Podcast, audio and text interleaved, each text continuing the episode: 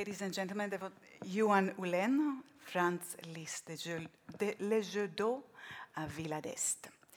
Uh, we, my name is Lizzie Scheja. I'm trying to find something here. I'm the director of Judisk Kultur i Sverige. We are very, very thrilled to uh, be able to present this special program this evening on arts and science. Uh, this is a program which is dedicated to Georg Klein, uh, who was a man of the arts, a scientist and also a man of the arts. Uh, I would like to invite uh, Ingemar Ernberg from the Eva and George Klein Foundation to say a couple of words before we proceed with our talk and our presentation.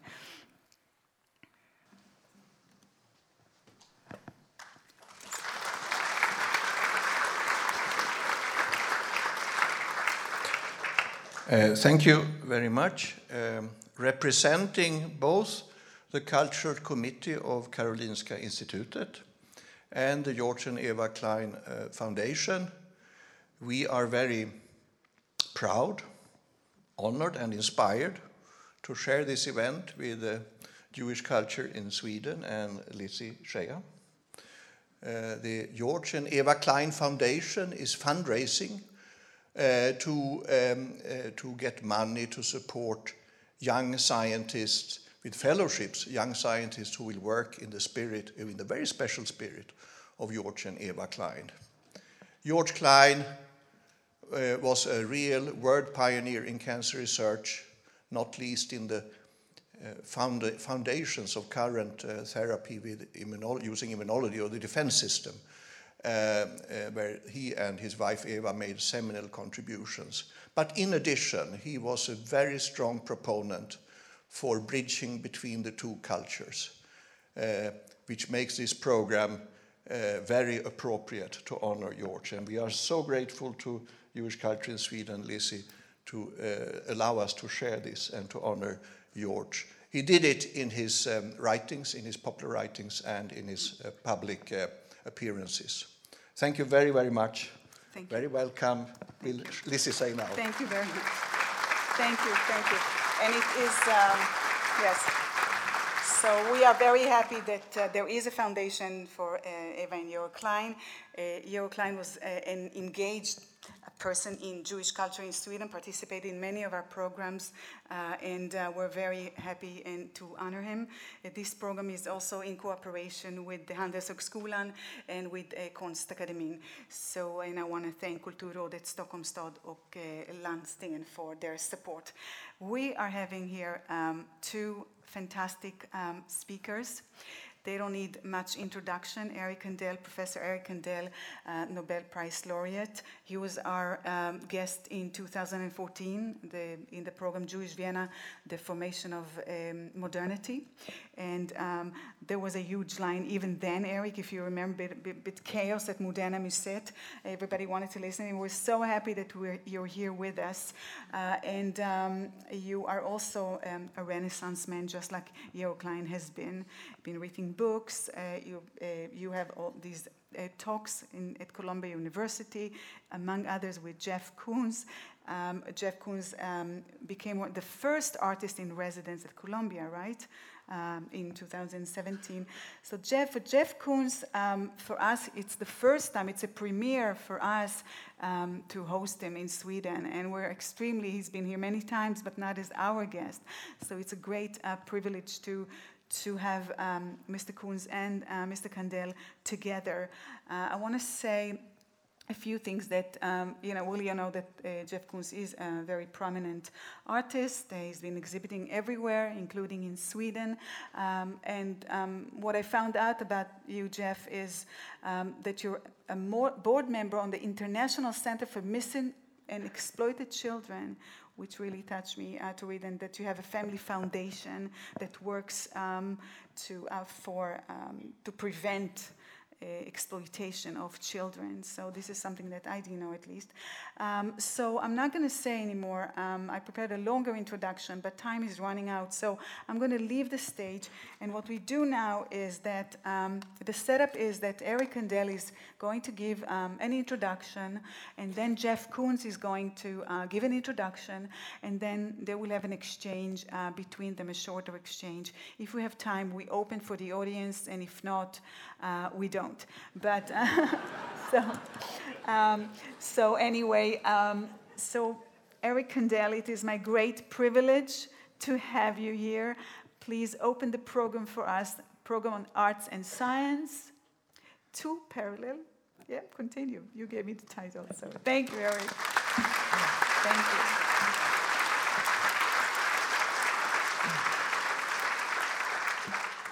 Thank you very much for that generous introduction. Um, um, I've had a number of honors in my life. I've been privileged to have them. But I certainly will remember sharing a platform with Jeff Koons as being in that category. Uh, Jeff Koons is a remarkable artist, and I find it just thrilling to be involved with him, have an opportunity to spend some time with him. Um, so um, I'm introducing what is really a conversation between Jeff and myself by giving you a little talk on reductionism in art and brain science. the idea of two cultures. In his Rede lecture of 1959, C.P. Snow, the physicist who later became a novelist, argued that the humanities and sciences are world apart. They have different goals, use different methodologies to achieve them. To advance human knowledge and society, the two fields of inquiry need to bridge the chasm between them. One way of bridging the two cultures is brain science and art. Barnard science represents a bridge between the natural sciences and the other, on, on one hand, and art on the other, the humanities. The humanistic questions that are addressed by brain science. We who study the brain see brain science as a way to address in direct and compelling fashion humanistically important questions like how do we learn, how do we remember, how do we visualize things. And, and reductionist approach employed in art. Artists sometimes use common reductionist strategies, methodologies, very much like those that we use in brain science to achieve their goals. Mechanistically important question addressed by brain science, the nature of learning and memory.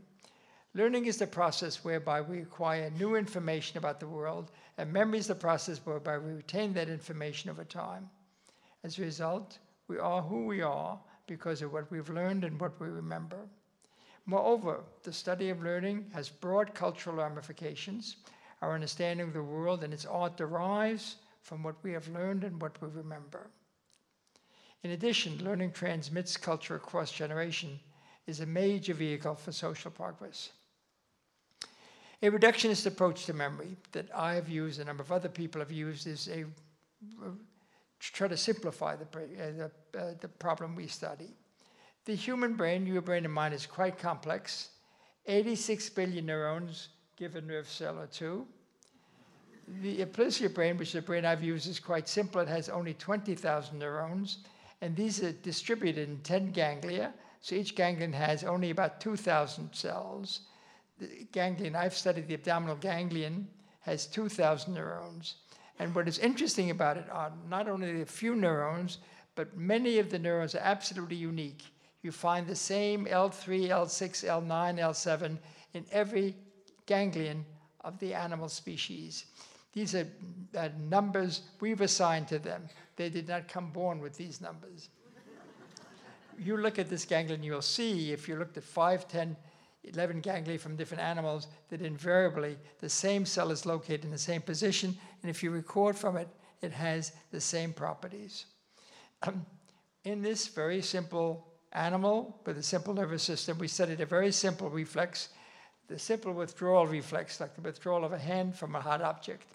If you apply tactile stimulus to the siphon, which is an external organ, um, it activates a reflex circuit that causes a withdrawal of the gill like the withdrawal of a hand from a hot object.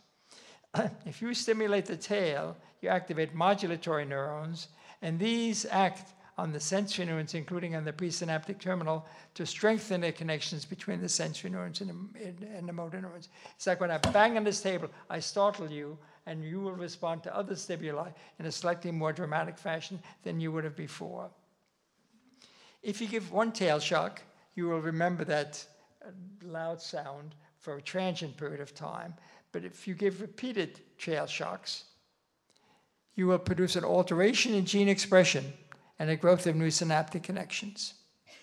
So if any of you remember anything of what I'm saying today, and I urge on you to forget it, but if you by chance remember it for tomorrow, you realize your, your brain has been altered.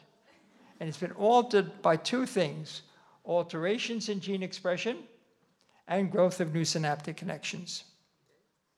When people hear this, they get very nervous. Alterations in gene expression and growth of new synaptic connections, particularly some of the younger ladies in the audience get very nervous. They say, You know, I've just recently got married. My husband and I are planning to have a baby, and we're planning to start tonight.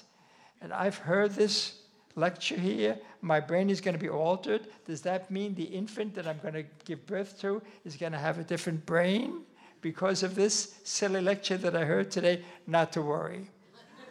This occurs very peripherally in your brain, will not affect the sperm or the egg. You have my permission to do whatever you want tonight.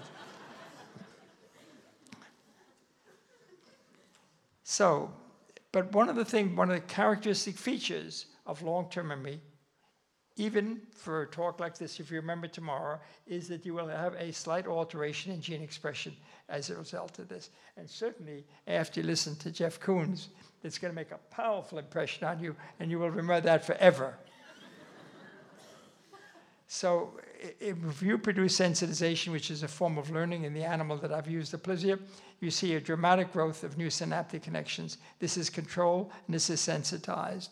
And I mean this quite literally. If you remember anything tomorrow, what you hear today, and probably eh, you'll hear, remember every word that he utters, probably forget most of the things I say, but if you remember what he says, it will be because your brain has been altered anatomically as a result of the experience of being here. Um, you have a representation of the body on the surface of your brain, an anatomical map, and when you use that map, it changes. So this is what you look like when nobody else is looking. And if you use certain parts of your body, the representation of the brain will actually enlarge. So if you use the tips of these three fingers by pressing apart repeatedly, there is a representation of each of those fingers in your brain, and you can see this right now, cortical representation of the fingers. But if you use the tips of these three fingers and not the others, you will see there's a growth of new synaptic connections. So this is amazing. Be careful to what you listen to because it's going to alter your brain. There are reductionist approaches that are taken in art as they are in science. Artists, like scientists, sometimes use reductionist strategies, methodologies to achieve their goal. This idea has raised concerns among certain humanists that a reductionist analysis will diminish our fascination with art or will trivialize its deeper issues. But as I will try to illustrate, the scientific reductionism need not trivialize the richness of art. Artists have expanded our uh, appreciation and uh, of what there is to see in the world by focusing our attention on the most elementary aspects of their art.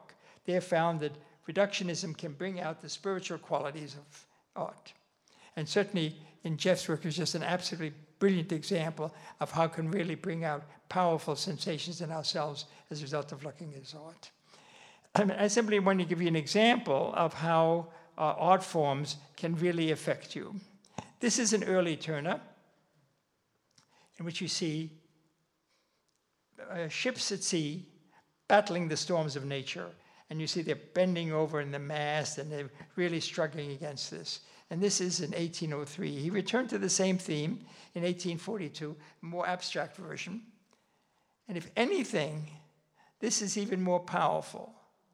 It makes an even greater impression on you. And why is that so? Does anybody want to guess why this is so?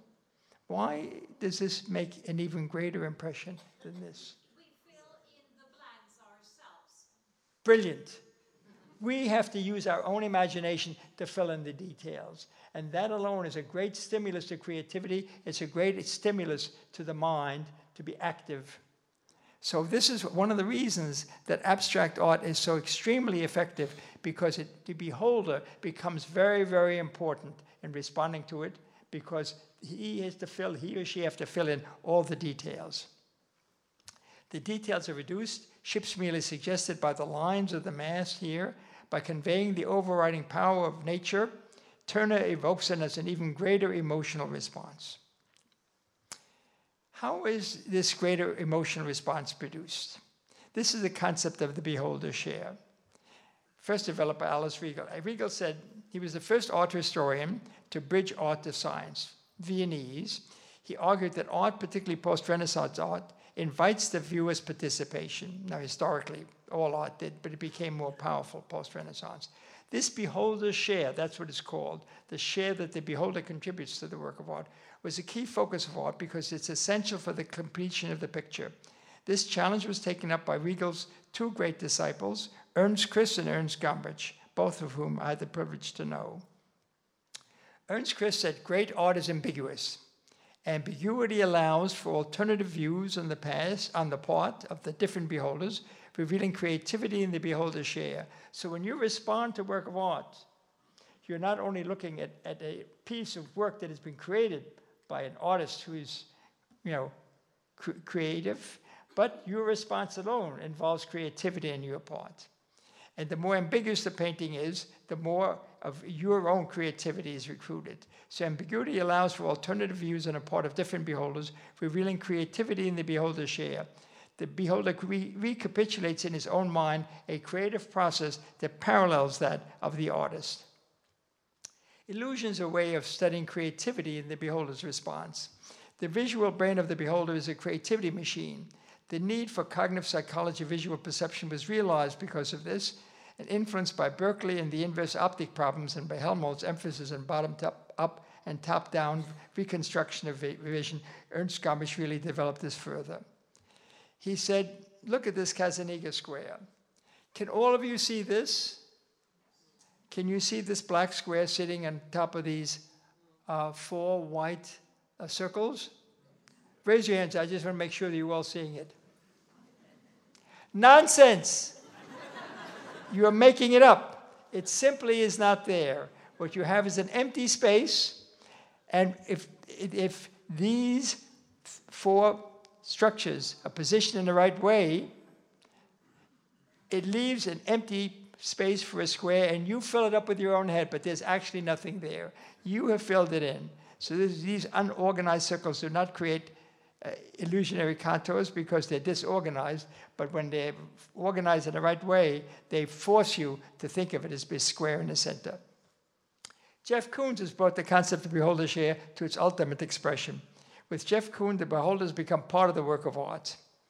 Uh, so if you look at a work of art, for example, one of Koons' things, you see the work of art. When you see the ball on the shoulder of the statue, what do you see? You see yourself. So this way, the beholder becomes part of the work of art. The beholder share. When you look at the statue, you see the work of art. When you look at the crystal ball, you see yourself. You see the beholder. With Jeff Koons, the beholder becomes a part of the work of art. Here you see the work of art, and here you see yourself. Jeff Koons himself, this is him, becomes part of the work of art. And he, Denise and I are standing right here, and we became part of this work of art. So, this is a way of introducing Jeff and get the conversation between us going. Art is exciting, and one of the really wonderful things about it is many scientists are becoming interested in art, as artists, of course, have historically been interested in science. And the dialogue that is opened up as a result of this, of which hopefully this will be an example, really enriches the understanding of both disciplines. Thank you very much.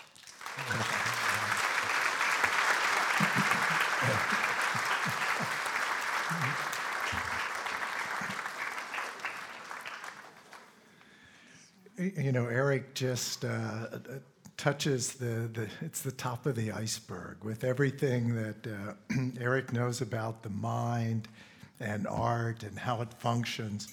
I remember thinking, uh, you know, who would be the most ideal person to, you know, to, to write about art? I had an exhibition at the Whitney, and I thought, oh, Eric, Eric Kandel would be so interesting. Somebody, a psychiatrist that really understands, a neuroscientist, to really write about art. And of course, uh, Eric does write about art. And it's, it's so uh, interesting because when Eric was talking about the Turner and the beholder's share, you could realize that just the strength of the opportunity that artists have to be able to give to the viewer, to really take them to a place that they can feel the type of intensity and energy. Uh, I often think about David Bowie, and as a performer, and it's like, you know, he's like Apollo. He's up there when he'd be on the stage and performing. It's like, you know, that's as close as you can imagine of uh, like a godlike figure coming to earth, you know. And uh, so, uh, you know, we all have these moments to put people in contact with, uh, with the, the power that they have of their imagination. So, uh, I, when uh, Eric was speaking about reductivism, and uh, I just wanted to show that when I got out of art school and I moved to New York and I started to interact with my generation and had an opportunity to try to deal with the issues that were uh, important to my generation, I started to make works like this. This is inflatable uh, rabbit and inflatable flower. And I remember when I made this piece, it was so intense for me. Uh, the color, the pink color, the green of the inflatable flower. And what I really loved about it was it was affirming me, it was affirming the viewer. Now, I created this in my studio. I really didn't have an, audi- uh, an audience at the time. Maybe one or two friends would come by. But you, you walk by and the reflection would change. It was completely dependent on the viewer. And there's a slightly different time too because it's a reflective surface. And you know, you have the right here, right now surface of, of the uh, rabbit, but you have something really close to the now and the reflective surface, slightly different in time. So there's a sense of uh, metaphysics also taking place with the reflection. Uh, I felt that this work almost talked too much about myself, almost my own sexuality, as far as like the intensity of the uh, color. But I was trying to make works. Uh, I was always a painter prior to this time, but I wanted to make works that I uh, thought were objective and that the viewer would have a similar situation. At least I could take them uh, to a certain point. And this is very minimalist again, just dealing with reflection. Uh, these were store-bought mirrors. I worked with uh, inflatable uh, objects that were ready-mades. The mirrors are ready-mades that I just bought. But here, everything is dependent on you. When you move around, again, the reflection changes, but very kind of high intensity, the colors that are there. It all triggers a, a type of uh, sense reaction. So after making these uh, inflatables, I wanted to deal with uh, kind of another uh, way of dealing with uh, ready-mades. So I came up with the idea, the new, and the new was to show objects for being brand new, having their integrity of birth. As individuals, for us, when we think about integrity, we have to participate in life. But for uh, an object, uh, it's just born, and before being used, it has all the integrity.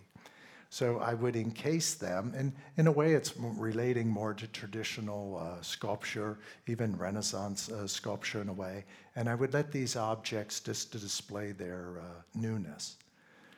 Again, what I was looking for was the individual, the viewer, to look at it and to feel a, a gestalt of, about who's really better prepared to survive.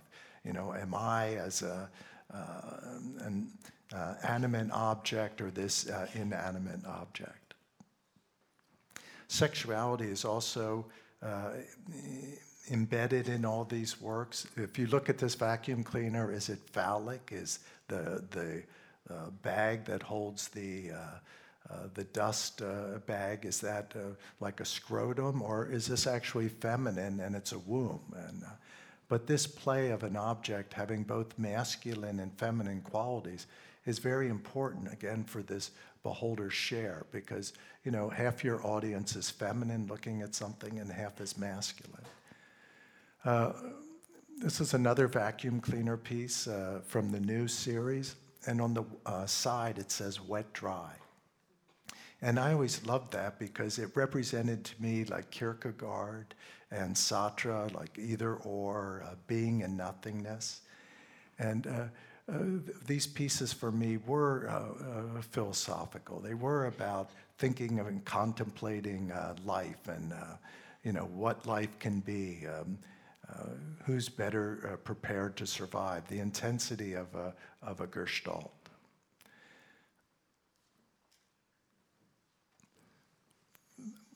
After uh, making my vacuum cleaner pieces, I wanted to make something that would tie more to biology, as Eric was showing uh, with the brain science and uh, looking at some uh, neurons. I, I, wanted to go more inside and not deal with, you know, the kind of the surface of, of objects that people would think of consumerism. I wanted to go more uh, interior, uh, inward. So I created these equilibrium tanks and for me, they're very, very metaphysical. It's, uh, it's the right here, right now, it's the past, and it's uh, the future. Uh, it's like an embryo. It's, uh, it's pre birth. This was pre the new. And when we talked about arts and sciences together, it's pretty hard for me to think about creating anything that I don't, in some way, think about a system uh, if I'm going to be mixing color, I have to somehow start with a system of color. Otherwise, it's just like kind of throwing a dart. Am I going to get there? Am I going to get close? But if you start with a system, you know if you go here, okay, then I can look at this system. If I add a little more yellow, is that going to get me closer? But almost everything I do, I'm always coming back and relying on a system so that I can get to complete the vision that I originally had. But to make the tanks, I called up Dr. Richard P. Uh, Feynman, the Nobel Prize winner for quantum dynamics. And uh, I, I, read in Time magazine that uh, he loved art. So uh, I called him up and uh, he answered, and I told him that I wanted to achieve permanent equilibrium. I want to do it in an aquarium. Can I do it? And he said, sure. And uh, I, I probably could do it if he said I could. I'm sure I could but I wouldn't have been able to do it within the aesthetics that I wanted to do it. I wanted it very pure, I wanted it very womb like. I didn't want to have two immiscible liquids where I'd have like an interface between the two, or having a lot of magnets or something around the piece that you couldn't see it. So I ended up not creating permanent equilibrium. These tanks will only last for maybe three, four months. And then eventually all the ions will interact and the ball will go to the bottom of the tank. So uh, right now in the equilibrium state in the center, the ball is too light to go to the bottom, but too heavy to go to the top. And it's just a water density uh, gradient. For me, one of the most interesting aspects, and I hope Eric can even talk about this later, but what I experience as, as an artist is focusing on something. So I remember thinking, okay, I want to make something. I was putting things in plexiglass cases before vacuum cleaners, and I saw basketballs on white cases in uh, uh, sporting goods stores stacked up, and I thought, well, maybe I'll put a basketball in an aquarium, an ultimate state of being, equilibrium. This is, sounds interesting. And then I looked and I found Nike posters where I would see balls in equilibrium. That's like Moses parting the Red Sea. And then I would look and I would, I would find, oh, I'd find other objects that, like an aqualung, and I would think, oh, that's a tool for equilibrium. That you, okay, you see a tank, it's this ultimate state of being. I want that. I, I want to experience that metaphysics. And then you have the sirens, you have these Nike posters uh, where these people saying, you know, I've achieved equilibrium, go for it, you can achieve it too. And then you end up with the tools of equilibrium, like an aqualung, that you would go for it. But whenever I focus on my interests, it always takes me to a place where these inner narratives start to get created. And they tend to uh, create that they have more interest than just myself, that other people too can also have interest in these uh, uh, narratives. And I find the more I focus, uh, the more connected to a universal vocabulary it is. After creating the, uh, the Equilibrium show, I, I started working in stainless steel. It was the first time working with stainless steel. And I remember walking down Fifth Avenue and I saw uh, this train. It's called the J.B. Uh, Turner train. Uh, Turner's here, right? Uh, a, a, different Turner, but uh, it's J.B. Turner train, and it's seven fifths of bourbon. And so if you lift up the, uh, the smokestack of the engine, you can see a tax stamp seal there that uh, the liquor's uh, inside. Slide open the door of the baggage car, lift the log on the log car. But uh, each one's a, a bottle of bourbon. But I wanted the viewer to look at it and feel the visual intoxication from the reflectivity. I had a friend at the time that was becoming an alcoholic. And I saw the degradation set in their life, and I would hear them babble. And I realized that a lot of the advertising in the, uh, uh, the advertising world, they're using very, very powerful abstract images on people uh, to debase them. And, and I wanted to show that art's a very powerful uh, tool, and we should develop these tools and, and use them, but there's a moral responsibility that, that comes along uh, with it. Uh, this is an example. So, in uh, going through the different income levels at the time, this is 1986, the highest level that they would target somebody for alcohol consumption for an ad was $46,000 uh, and up. But here, uh, it's already just waves of liquor where the person, it says, stay in tonight. They're already lost in their own thought patterns. They don't even really have any communication with the outside world. And it's quite central, too. That was a friend Jellica had. So uh, in 1986, I continued to work in stainless steel. Uh, this is the rabbit. Uh, most recently, it was in the, uh, the media lot because of an auction that took place. But uh, when I made the rabbit, I really wanted to just show my history of working with ready-made objects back to the first image that we looked at, that uh, inflatable vinyl. I made that back in uh, 77 and uh, 78. And in 86, I started to work with another uh, dealer, Ileana Sonnabend, and I knew that she'd bring my art to a larger international audience. And so I uh, chose different ready made objects to work with, and the rabbit uh, was one of them. Eric showed a gazing ball earlier on the shoulder of Hercules, and uh, uh the reason I made that uh, sculpture and put the gazing ball there was uh, to, to reference the generosity of a gazing ball. I grew up in Pennsylvania, and in Pennsylvania we have a large German population. So uh, King Ludwig II of Bavaria in Victorian times repopularized glass gazing balls. And so when I would be younger and I would look at them in people's yards, I would think how generous that is of the person to, uh, uh, to put that there. And Eric, uh, one of your friends, uh, one of the Nobel uh, laureate winners, even received a Nobel Prize. A couple received the prize for a study that they did that uh, the mind is, is it the mind's always rewarding the body for telling it where it is in the universe at any given time? Uh, I guess it was about four or five years ago that this uh, uh couple uh, won the Nobel Prize. And a gazing ball does that, but the head of the rabbit is a gazing ball for me. So when I made this piece, I thought, oh, yeah, it's just like a gazing ball.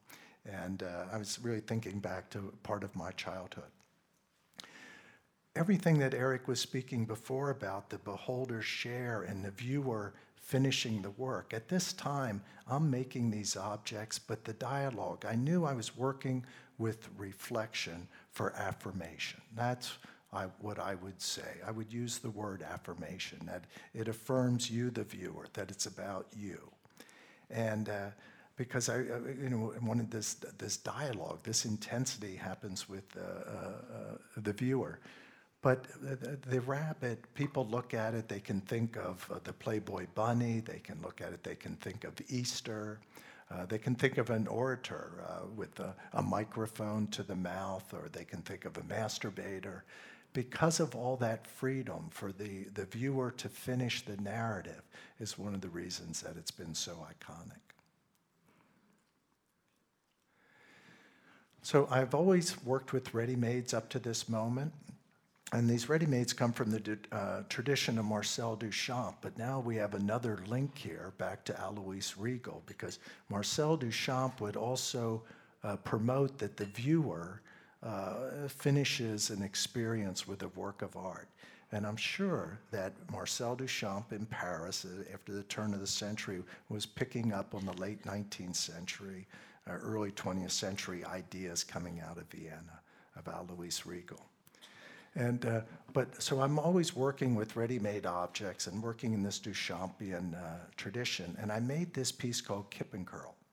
And it was for an exhibition in Munster, Germany. Kasper König uh, has this exhibition once every 10 years. So it's a very important show in Europe. I was a young artist in 87. I was invited.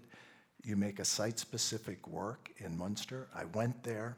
And in the town square, they had a bronze life size sculpture of, uh, of a, a, man with a kip on his back coming to market. And it was in bronze, and it really celebrates the uh, self dependency, uh, self reliance that that community has. He has uh, pigeons, he has eggs, potatoes, hare, tobacco. I mean, it's totally independent. And uh, it was a piece that actually uh, originally uh, was made and then was destroyed during the war. Uh, a tank used it as target practice and destroyed it, and the town remade it, made another version of it. I uh, made a copy of that. I put it in stainless steel, but when the piece was at the foundry, before it was completed, they banged my casting up against the wall and totally deformed it. It was my Humpty Dumpty. So his leg was five inches too short. The rabbit, the hare, lost his ear. Uh, you know, everything collapsed. His face was a mess. And uh, Kasper König called me up and he said, You know, Jeff, I don't know uh, what to do. There's no time to recast another one. He said, We can bring in a steel guy and, uh, you know, we can try to fix it or you can drop out. And I realized that for me, this was a huge opportunity. I was just kind of breaking in the international art world. And I've only, the only thing I've ever wanted to do is to participate, to be involved in a dialogue about art and what it can be. So I decided to give the piece the radical plastic surgery. And they, uh, they brought in this, steel man. He was amazing. We worked on it for three months. He had heat up the piece till it was white hot, and he had bend the leg and uh, open it up and weld in a new piece of steel. And we created an ear for the rabbit and fix the face and the chest. And we put this Humpty Dumpty back together again. And when I did that, I realized that the ready made I cared about was the viewer. And up to this point, like I had such a hard time choosing not to pull out of the exhibition because every perfection and imperfection of all these objects was so important to me that I would maintain, like casting that train or that aqualung, every little detail, because it was the essence of the object. But I realized then that the, the ready made I care about was the viewer, and I cared about their perfections and their imperfections. That was what uh, the ready made I really wanted to work with. So that freed me and that's when I started to be able to develop more of a, a, narrative of what I was interested in and to be able to create a work that would be able to help empower people, that they could embrace themselves, who they are, their perfections, their imperfections, and to be able to move forward. Art is something that can be tremendously uh, disempowering. It can make you feel like you have to come prepared to it. it. You know, I remember being a kid and trying out for football and I was cut the first day because I never played football. I didn't know any, I didn't even know what a first down was to a second down or whatever. And people can look at art as being the same way, and it's not. You never have to bring anything uh, to it other than who you are. And, uh, and who you are, it's perfect. You're perfect in your own being. And everything is always about this moment uh, uh forward. So with the Banality series, I worked in different materials that would uh, deal with uh, transcendence. This is carved out of wood. All the wood carvers it typically would be in northern Italy, carving a lot of saints for the churches, uh, carved this piece. This is called Ushering in Banality. And it's a little autobiographical. I thought I really didn't care what people you know, would say, but I felt that I was kind of on a positive mission in offering uh, banality. And to me, banality was just everything that you enjoy. Like I remember my uh, my grandmother and my grandfather, the objects they would have, the, the objects I grew up with in my family. That, uh, or if you like the color blue for blue, everything's okay. Or if you like to see people balancing watermelons on their head, it's all okay. It's perfect. That's great. There's nothing better than balancing watermelons on your head.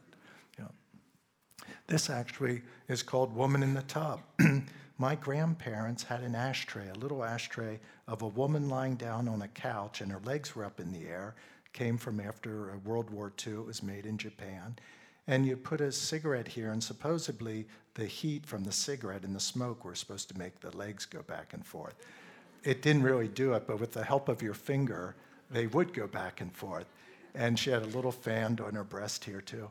And as a kid, three, four years old, I was so captivated by that and I know that that's really my woman in the tub, that it's really that, uh, that woman, and where her legs would fit down in here is really uh, uh, the tub. The reason I worked with uh, porcelain was porcelain's a very essential material. It shrinks 19% in the oven, and uh, it's a very regal material. It came from the king's kitchen, the emperor's kitchen, but it's completely democratized today. And I wanted to communicate this sense of democratization and uh, empowerment and of self acceptance. A lot of people don't accept themselves because they have a hard time accepting their own body. And this kind of references that uh, aspect of learning about one's body. Uh, I went on after the, uh, uh, the Banality series and I made a piece called Puppy. I enjoy working also with organic elements. Uh, and again, you know, everybody, uh, every artist loves to believe if they really focus on their work, they can make something. It almost takes life's energy, but you know, you fail. You always fail. It never does that. But uh, this is made out of 60,000 live growing uh, plants, and uh, it's called Puppy. And I spent a lot of time in Europe, and I wanted to make a piece that really dealt with the polarities that I found in the Baroque and the Rococo you know, you have the symmetry with the asymmetrical, you have the organic, uh, uh, eternal through life, through flowers and animals and uh, people, but you also have it through ideas and spirituality. And I think the piece is very much whether you want to serve or be served. You know? Uh, this is a balloon dog. This is from a series that I started in uh, in 1994. And uh, the balloon dog looks, um, you know, very light and uh, a little frivolous. It could be something from a child's birthday party. But at the same time, uh, I think it has something very ritualistic about it. And uh, I, I, look at it and I, I can envision, um, you know, a community having some ritual take place uh, uh, around it in our archaic times. Maybe uh, they looked down at their kill and noticed that gases were expanding the intestine and would make something like this. Also has kind of a mythic uh, uh, quality to it, its scale. And it has the same masculine feminine aspect.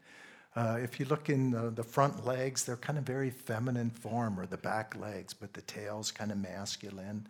So these uh, different uh, references to both the masculine and the feminine are always taking place.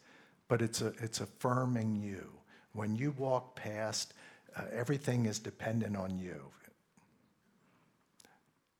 When you leave the room, the art leaves the room. Uh, this is Play Doh. Uh, I like to think of this as my Freudian sculpture. And uh, Mm-hmm. it's a, I have a son, Ludwig, and my son Ludwig's 26 now, but when he was five, I brought him some Play Doh and he made a mound, and I was a little distracted d- doing something in another part of the room, and he said, Dad. And I said, What? And I turned around and looked, and he went, Voila. And in front of him was this mound, and he was so proud. And I looked at the mound and I thought, this is what I try to do every day of my life. I try to make something that removes judgment, that you, you can't uh, make any judgment about it. So I went back to my studio and I made a mound of Play Doh and I, I turned it into this sculpture. The Freudian part, it seems to me a little bit like it could be like feces or something. It can go back to childhood or something but it also has this uh, uh, 20th century. I think it really uh, captures the 20th century. It also has this abstract expressionism power of somebody like Bill de Kooning. Uh, th- this is a, a, piece from my Popeye series called Lobster. And I think that the lobster invites the audience in because you look at it and you know you see that the lobster's performing for you and uh, at certain times, too, you also feel that it gets a reversed role and that you are kind of performing uh, uh, for the lobster, and both, again, masculine and feminine. In the States, we used to have a, a stripper uh, a female performer. They used to perform back in, I think, the 40s and the 50s, Gypsy Rose Lee, and she would have a fan, and she would always have a big feather fan and, and move around like this. The tail of the lobster always reminded me of that. But you can also look and think of the, uh, the body of the lobster as being a womb, or it could be a phallus. It goes uh, back and forth.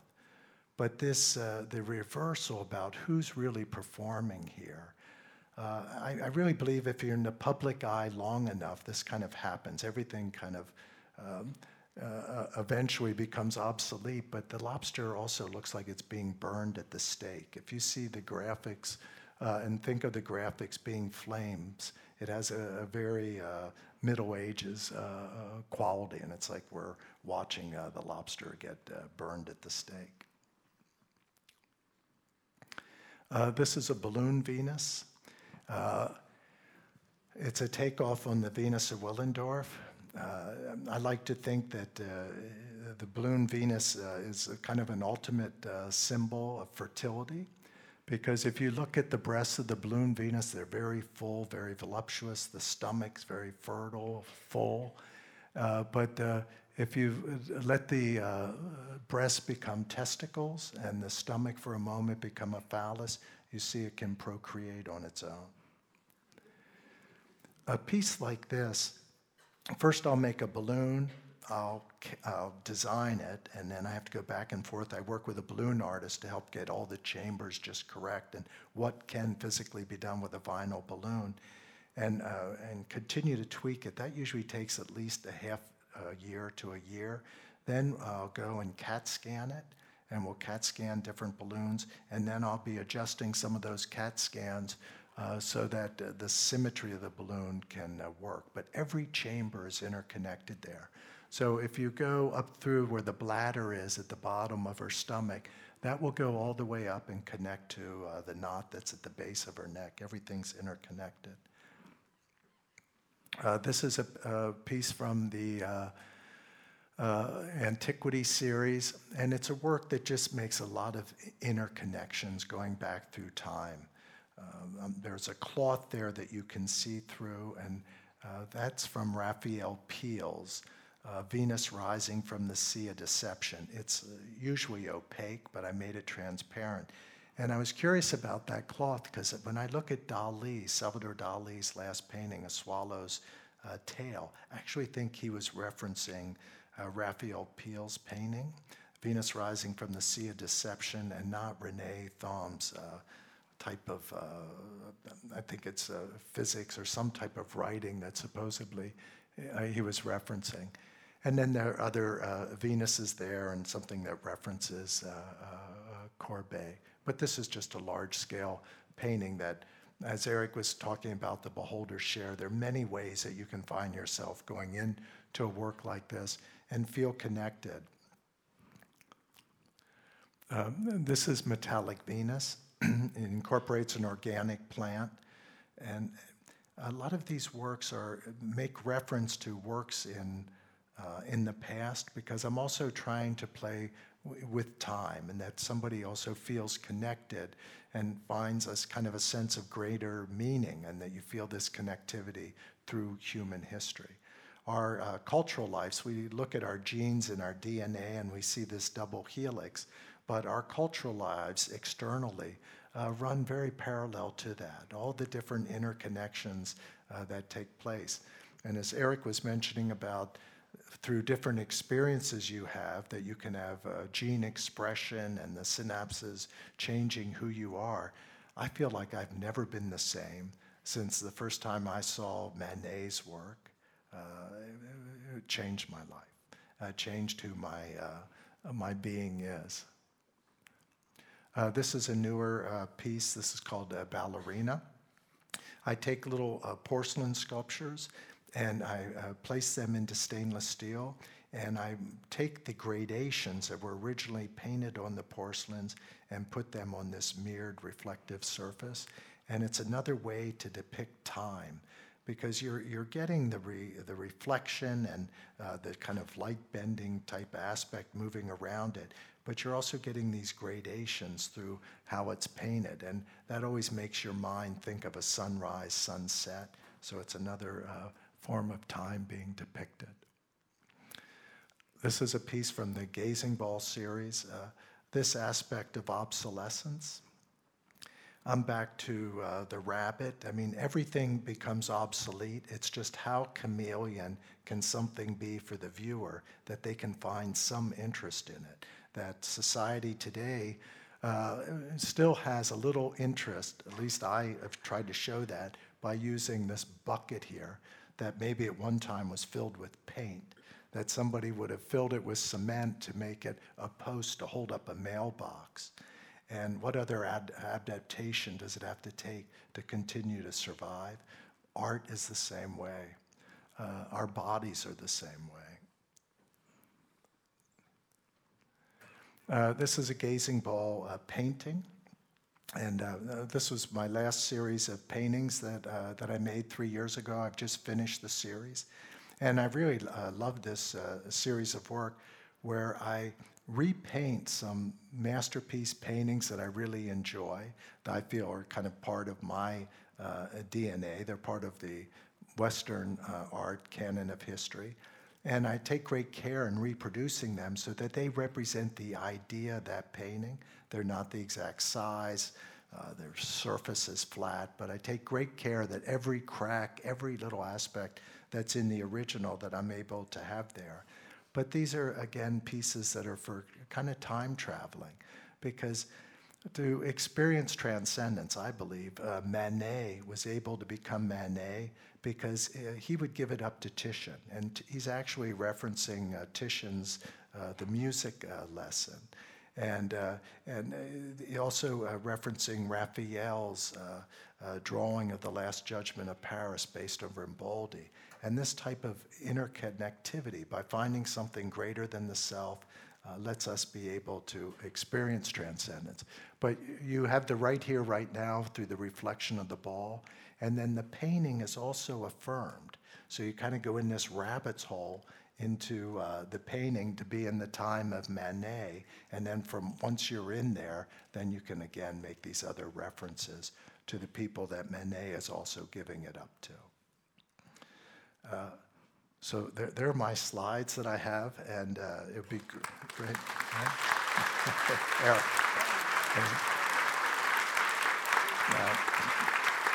Can we open it up for discussion? Good. It's- Eric, I think you need a microphone. Take the whole thing.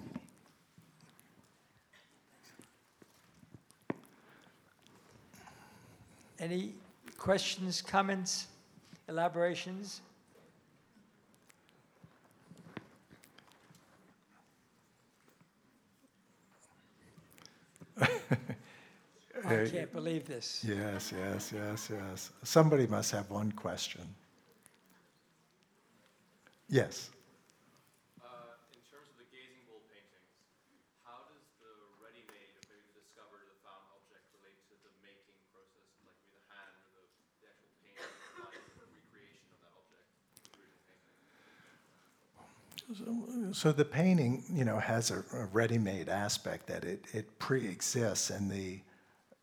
I'm really trying to deal with the humanism of it, to really, you know, try to be in contact like with Manet and deal with Manet as a person, and uh, you know the connections that Manet uh, would make. So uh, I will go and rephotograph the original uh, artwork, and I'll try to pay homage and respect to the time that the piece was made. So every crack that's there, I'm not going to freshen it up. I wanted to be able to capture the time that's taken place, uh, but still that it's just the idea. And then the gazing ball, I really wanted to come back to something pure. And for within my uh, dialogue with the world and uh, ready mades, this uh, pure globe, this uh, pure form, even in uh, like Platonism type of of way of looking at something very, very simple and, and pure. I wanted to go to, you know, kind of the, um, uh, the essence of the ready-made. What are you working on now? What should we look forward to in the next several years? Yeah. Uh, I've started a series of work called the Porcelain Series, that Porcelain Series, that I'm working with uh, 18th century uh, porcelain pieces. And uh, transform them into the stainless steel and uh, take all this surface uh, off them, similar to the ballerina that I showed. But I think that there uh, something happens. I mean, they're not just like this. Uh, the original porcelain, something really uh, strong and uh, powerful takes place. I'm always making new paintings. I'm working with some different images of Agostino Carracci that I'm using as a base for some of the new work. I always have uh, some public scale sculptures that are going on. I think my train is finally going to be made that I've been looking forward to. This is a sculpture where a 70 foot uh, steam engine hangs from a crane and performs uh, probably three times a day. Uh, it does everything a real train does.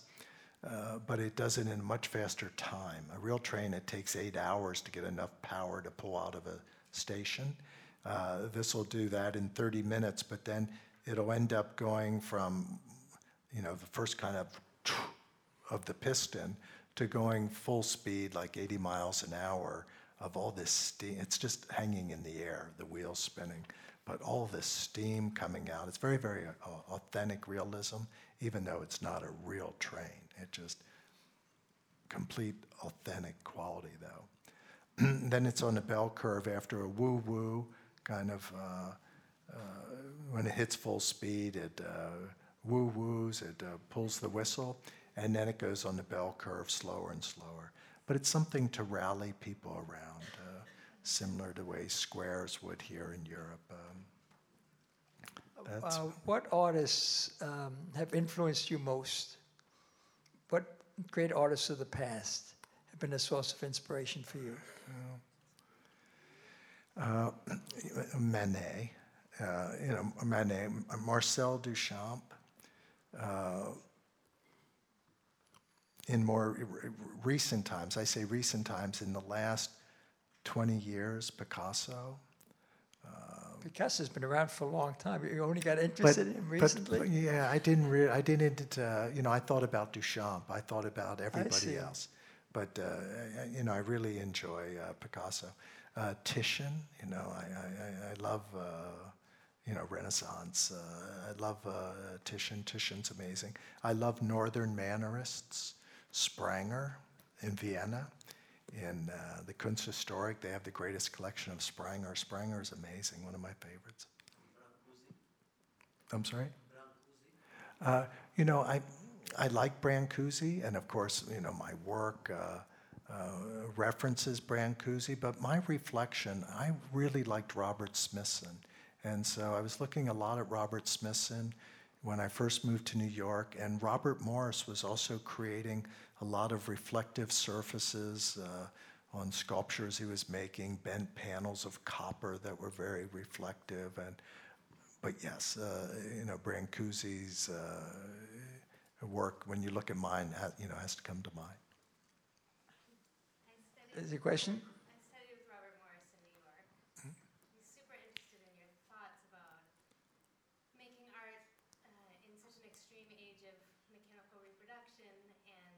Your thoughts about your work selling for a lot of money for the real tangible object there, and also your reflection on how we're looking at uh, images so often and how that's affecting our short-term versus long-term memory, and just kind of uh, how, how art is being seen in this moment. It's a good question. You start.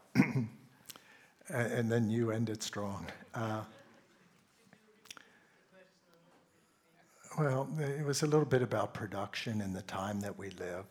And I try to use technology as a tool only because I get pulled through the problems I have with my work. I'll end up working with the technology. So I ended up working with computers and doing white light scanning and then uh, CAT scanning and uh, milling and uh, doing all these things only because it was more efficient than working uh, a more traditional way of, of casting. I could make things bigger, smaller, adapt them. But there's a lot of downside. There's a lot of time that goes into the engineering, reverse engineering of these files, managing these files. They get so big just to turn on the computer and keep it from crashing. Uh, and it ends up, some of my work, uh, you know, can end up taking six years, eight years to make. And uh, it, it's, a lot of it's due to the technology, so that uh, it's not necessarily making it faster, but making it more uh, Efficient. precise. And uh, the uh, cost, I really love to believe that, um, you know, when you see that work of art, you walk out of the room, it goes with you. And so you don't have to own a work of art. And there's a lot of cost that gets into some of these things, but uh, the, the viewer does not need to endure that. Uh, uh, I don't endure it in my own life. I experience so many amazing things, and I look at artworks that I could in no way ever uh, have in uh, home or do anything like this. Uh, nor do I think that I really want that responsibility all the time. Yes, Eric, the Eric, that was, there was, it was double parted. uh, I'm sorry, there's a lady there. Is it- you also, uh, did I miss you? I'm sorry. You're, you're next. She's first, okay? Does the perception of your own art change over time? Can we, can we use, can we move the microphone over to the? I can take it, I can go with the microphones. Where are you? Oh, okay, sorry. Thank you. So the question is whether your own, you're artist, but you're also viewer of your own art. So does your perception of your own piece change over time, or is it just ready? I think it's pretty consistent. I mean, I look at it and I think of the intentions, and usually what I'm saying today is what I said then. I don't really change things uh, because of what my intentions were at that moment. That's the closest that I know what those intentions were, and then I move on.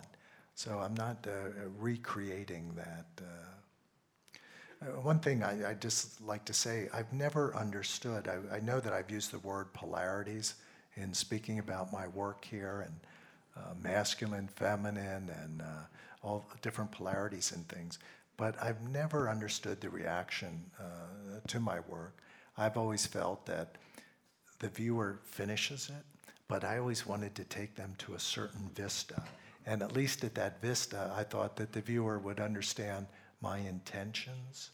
But uh, that, uh, in today's world at least, that doesn't, uh, there's a lot of polarities. I've never understood some of the negativity uh, or some of the points of view.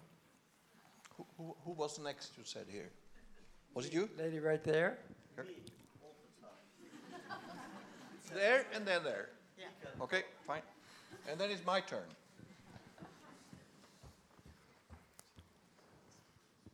You are a painter, creator. We're talking about our brain. Music. Is it so that when you are in your studio, Jeff, working, sitting, thinking, do you prepare to the job using even music, some kind of music, always the same theme or different how strong is the impact of music? When I was younger and I was in the studio by myself, music played a, a greater role. Uh, as my studio became bigger and there were more and more people in the studio, uh, it's very hard to have music uh, kind of uh, blaring. But I would uh, train during uh, lunchtime and I would listen to music. I always listened a lot to a lot of Led Zeppelin, but my children turned me on to Little Uzi Vert and uh, uh, some hip hop and rap and, and different things. So I'm very open. I thought the Liszt piece that we listened to tonight, I mean, that was just what could be more wonderful than the idea to start this off with that, uh, with that music because uh, we were talking about metaphysics. Uh, I mean, I mean, the way music affects you is just amazing. You can be very depressed and listen to some Mozart, and all of a sudden it cheers you up. Uh, it really has an amazing effect on you. But it's not something I find I can do as background. When I do this background, you know, when you're driving or something like that, you're really uh, not getting the real uh, impact of music. Um, to really get the pleasure out of music fully, uh, it helps to just concentrate in the music per se. Mr. Koons, uh, you've been an artist in residence at uh, the institute where uh, Dr. Kandel is. And one of the reasons was that your uh, processes of creativity should inspire the students and scientists there. But uh, are there concrete things that you have also learned from being with all these brain persons for a long time? uh, uh, yes, that uh, there's no real reality and uh, it's just all an illusion. but I have to say, it was so wonderful, and it was, uh, at least for me, it was a great way to spend more time with Eric and with the uh, the teachers, the other uh, Nobel laureates, right, and, and professors. But I actually received uh, private tutorials. I mean, uh, I guess maybe every a month and a half, I, would go up, and for about two hours, I'd be able to uh, have one of the uh, the professors speak to me just about uh, touch or or taste, and or, or, or, just the different sense uh, perceptions and uh, the study of the mind. So um, it's wonderful because I, what as Eric was saying about bringing these uh, disciplines together, and I know very exciting. Yeah, yeah. Uh, but also in trying to make uh, works that uh, you know can be about the mind. I'm really curious when I was saying earlier about trusting in the self and then focusing on the interests. That's all that I know as an artist you can do. Uh, you can move some material around too, but again, if that's your interest in moving material around, but the only thing you have is yourself and your interests. I, I, think another uh, uh, interesting aspect about that is uh, that we tend to make very clear distinctions between art and science, as if they're worlds apart. But I think that that's incorrect. Uh, that most artists are experimental, very much like scientists are. And scientists have a sense of beauty and elegance, and they want to make their work as attractive, comprehensible to other people as possible. So the, the clear division between art and science, I think, is spurious. That there is in every artist a scientific element, an exploratory element, uh, and there is uh, in every scientist a desire to do something which is beautiful. May I ask, uh, or make one comment and then maybe ask a question? Uh, I want to allude to Eric Kandel's recent book, Reductionism, in um, art and brain science. And I think it's a fantastic book. If you came here, you should also read that book. Uh, it's, it's not very thick, it's readable in a few hours. And there, you um, describe the evol- evolution of uh, the reductionistic, or let's say abstract art from Kandinsky onward to what you are particularly writing about the uh, New York School of Modern Art. And what you describe there is a development in the art going from a little bit figurative, like Turner, blah, blah, blah, blah, and then it becomes completely with Pollock and others. You, I mean, you can't see, the brain has to work very hard to see a pattern, and it will probably divide the art viewers in those who think that it's very exciting and creative, and other think, what is this? I mean, it doesn't mean anything to me. Uh, uh, but then now comes Jeff Koons, which you don't write about in the book uh, virtually at all, and, and you bring in back figurativeness in a way. You, you show things. So, so the reductionist has taken another path through you. But my, my very concrete and simple question is how much in neuroscience have you yet applied the imaging techniques when the viewer is looking at, uh, at Turner, uh, the young Turner, at um, de Kooning or, or uh, Rothko or, or Pollock or Koons? And uh, does it look very different in the brain when you look at these three very different artists? Very figurative, You very abstract, and in between. You will not believe this, but I, Daphna Shohamy and I are doing exactly that right now. We're doing imaging studies when a subject looks at the same artist, when the artist is figurative, when the artist is abstract, and when the artist is transitional, to see how the brain responds to it. So what is happening is, with the capability of imaging methodologies right now, we can bring brain science to bear on a whole bunch of issues in music and art that he couldn't before, and really doing away with boundary conditions that existed. Yeah, it's really a, a fascinating time to be studying these things. Uh, do we have?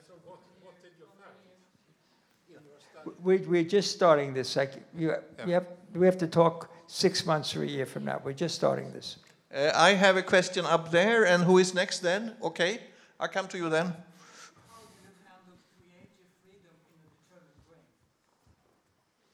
In, in a determined way?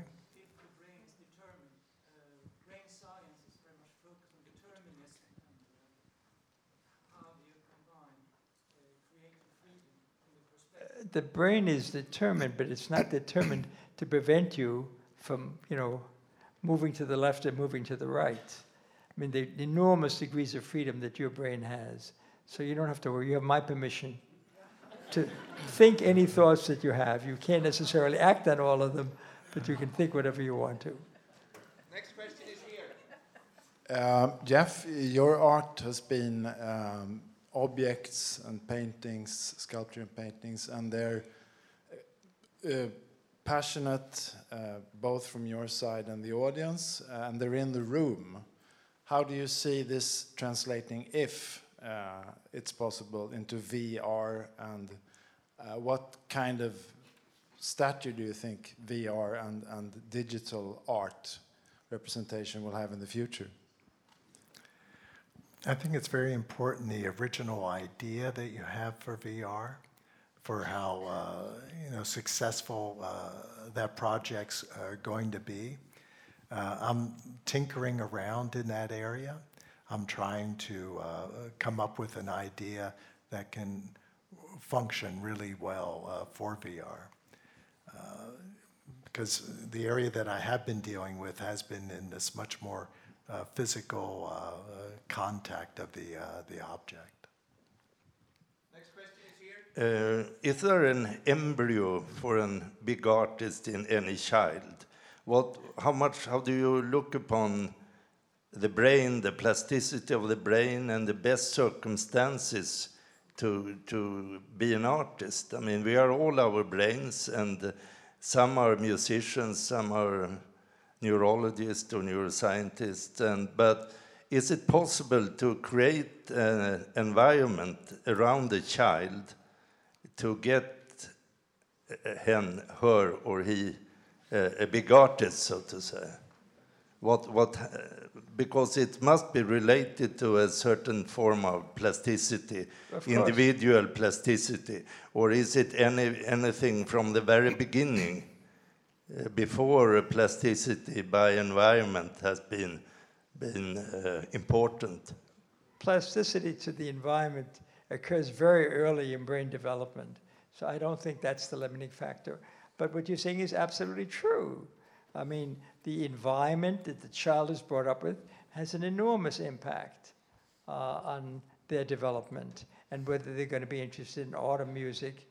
If they listen to classical music from an early age on, they're going to be interested in classical music. They may also listen to other things later on, but at least they can appreciate classical music and see what it has to offer. So I think early experiences in the arts is extremely important. Next question here. Uh, Can I add to that? Absolutely. In, in uh, my situation, uh, my parents were very supportive of me. And so it gave me a sense of self. And, uh, and because of that, you know, getting a pat on the back, like, oh, Jeff, that's really good. It, it, it gave me a sense that, uh, oh, you know, I'm a person that can contribute uh, to this uh, family. And then another important thing for me was I, my father was an interior decorator. And my father, we didn't have computers uh, when I was younger, so he would be working with graph paper, and I'd watch him design a room. And he would figure everything out just on uh, graph paper, like if a couch is six feet and is by three feet, and you have a table that's two feet and a lamp. And uh, I learned from my father that if you have vision, you can do anything. It's just a, and here's a system, that's a kind of scientific system, just to, to lay it out to be able to know what you're doing, what it's going to look like, and to have that vision. It's wonderful. Now, here. Mr. Uh, Dr. Kandel. Hello, Yes, I here. don't see the first. Yes. Here, yeah. Uh, Dr. Kandel, I'm curious to know how you have used or how it has impacted your knowledge and your research in, in brain science, also your private life, I mean, your other life, or also your scientific life, because you showed how you can touch and you, the plasticity of the brain. So, how have you used this information to enlarge your own life, so to say? You mean by interest in art? How is it influenced? No. I mean, I'm just, you know, you know much more than most of us here about the brain and how you can influence the brain. So I'm curious to know how you have used that information in your own life. How I've you used the information that I've realized that in order to master something, you have to work at it. And you have to be willing to take time out to do it. So if I move into a new area, for example, uh, I take time out to, to really try to grips to it, at least you know to a fairly satisfactory degree. And I give myself, a f- I mean, I don't watch television very much. Uh, so in the evening, I either read or write. That gives me a fair amount of time to move into areas that I haven't been before. And I love doing that, and I've done this all of my life, yes. And I like writing very much. From the time I was in high school, I was one of the editors of the school newspaper, and I actually wrote a column for a sports newspaper called Gotham Sports. I wrote something called Breaking the Tape with Eric Kandel. So I've enjoyed doing this, and I've been writing, you know, most of my life. It hasn't necessarily gotten much better, but I've been doing that. There is an old saying, how do I know what I think unless I read what I write?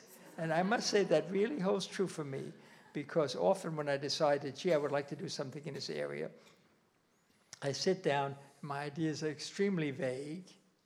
And so a combination of beginning to write and reading around it, you know, often I've read only a small fraction of the literature I need to read in order to come to grips with it. And uh, all of that is pleasurable. There is something very satisfying, but just, you know, acquiring knowledge. Uh, Lizzie tells me that we should uh, more or less conclude in a few minutes or in a minute or so. So we take one or two last questions and then we will ask uh, uh, our guest to conclude, maybe particularly Eric Kandel, who had a shorter introduction, so you can conclude. I actually have a, a one question while you think about the last one to you again, related to the last one. If you want to reveal it, uh, what is your favorite art in your home? How do you, uh, what kind of art do you, do you collect around yourself? We have a, every wall is filled with art. Uh, we have Beckmanns, uh, we have kokoschkas. We have an Israeli artist, very serious Israeli artist called Moshe Kupferman. What else do you think we should mention, Denise? First of all, we collect mainly works on papers. We don't have that many paintings. And so uh, we have things from the German Expressionist, uh, from Munch. We have things from We have some lovely things by Munch. From the French, yeah. Yeah. Nolde. But every wall is occupied. But if you give us a very nice oil, we would replace some of the works on paper. You should ask. Yeah. You- uh, Yes. Do you have a Koons? Not yet. Not yet. Oh, no, no, we do have one. you do have one. We have the rabbit, of course. I'm sorry. Oh, okay. We absolutely have one. I- Is there a last question from the audience? I, I think of it more as a sculpture than Can we take, how many questions do we allow now? Last one, okay. Sorry about that. Uh, th- Thank you. Uh, This is a question for uh, Eric Kandel. I remember in the year 2000 when you got the Nobel Prize, uh, you told the, the audience that you moved from psychoanalysis to psychiatric because you realized that you could change the mind not in years but perhaps in weeks. And then I, I saw actually a, a TV program where you said that you were now interested in deep brain stimulation, a technique that you implant electrodes in the brain to modify functions in the brain. So my question would be, if you still think uh, that is the, the, the modern approach, or you th- think that there is something else you think is the, the, the, the way you can modify the brain functions? I think brain functions can be modified in many, many ways. Uh, and it's true that uh, fairly primitive methods like direct brain stimulation can be very helpful in a variety of circumstances. Uh, but we really need to develop new techniques for being able to influence the brain, if possible, in a less invasive ma- manner than that. And we're far from there. But it would be very nice if we could um, stimulate at will any one of the major structures within the brain, and uh, you know, without necessarily having to put an electrode in it. You're using a beam of some sort, but we're nowhere near there yet. Yeah. We're going to take last words, Jeff and Eric, before we close this session. Any reflections, anything that you want to tell our audience or each other? Well, let me begin. First of all, it's a, just a privilege to be able to do this with you and to hear you. Uh, and it's just a wonderful opportunity to interact with this audience. It's a very alive audience who's obviously paying attention, have their own ideas about things. So this was a very enjoyable evening for me. Thank you.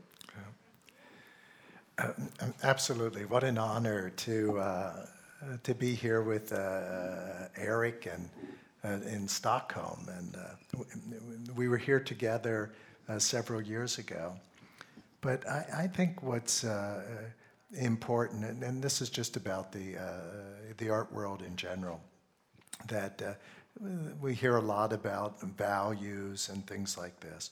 But the, the real value of art is its transformative power in our lives. How it lets us have a, a chance to become uh, an individual that we can become. And what I learned, I always loved all those stimulations. Like Eric, you're talking about like electrons or something uh, to stimulate something. But I've always enjoyed the stimulations, the chemical reactions of putting different things together, that intensity. And I became addicted to it. And then I started to share that addiction with friends around me because you tend to like the same things. And as time goes on, you continue to make these things that stimulate you and let you continue to become. And you automatically wanted to share that with others. So the beholder share also, it's something that is embedded in art. And I think it's embedded both um, in it intellectually, but physically too, that you automatically, uh, whenever you have sensations or something uh, in abundance, you want to share that with others. Like, uh, so there's something communal. Yeah. Uh, it was really uh, A- Alois Riegl who coined that term. He realized that Um, there are two creative processes in a work of art the artist who creates it, and the beholder, the viewer who looks at it. Because when you look at a work of art, you yourself are undergoing a creative experience. Uh, first of all, just to perceive it, but also there's sufficient ambiguity in every work, even the most figurative, that you and I were to look at the same work of art, we'd see it somewhat differently. That means our mind is perceiving it in different ways and playing it differently in your brain than it is in mine. That's actually quite fascinating. Thank you very much. Jeff, Eric, thank you very much. Thank you for coming here. Thank you. As always, as always.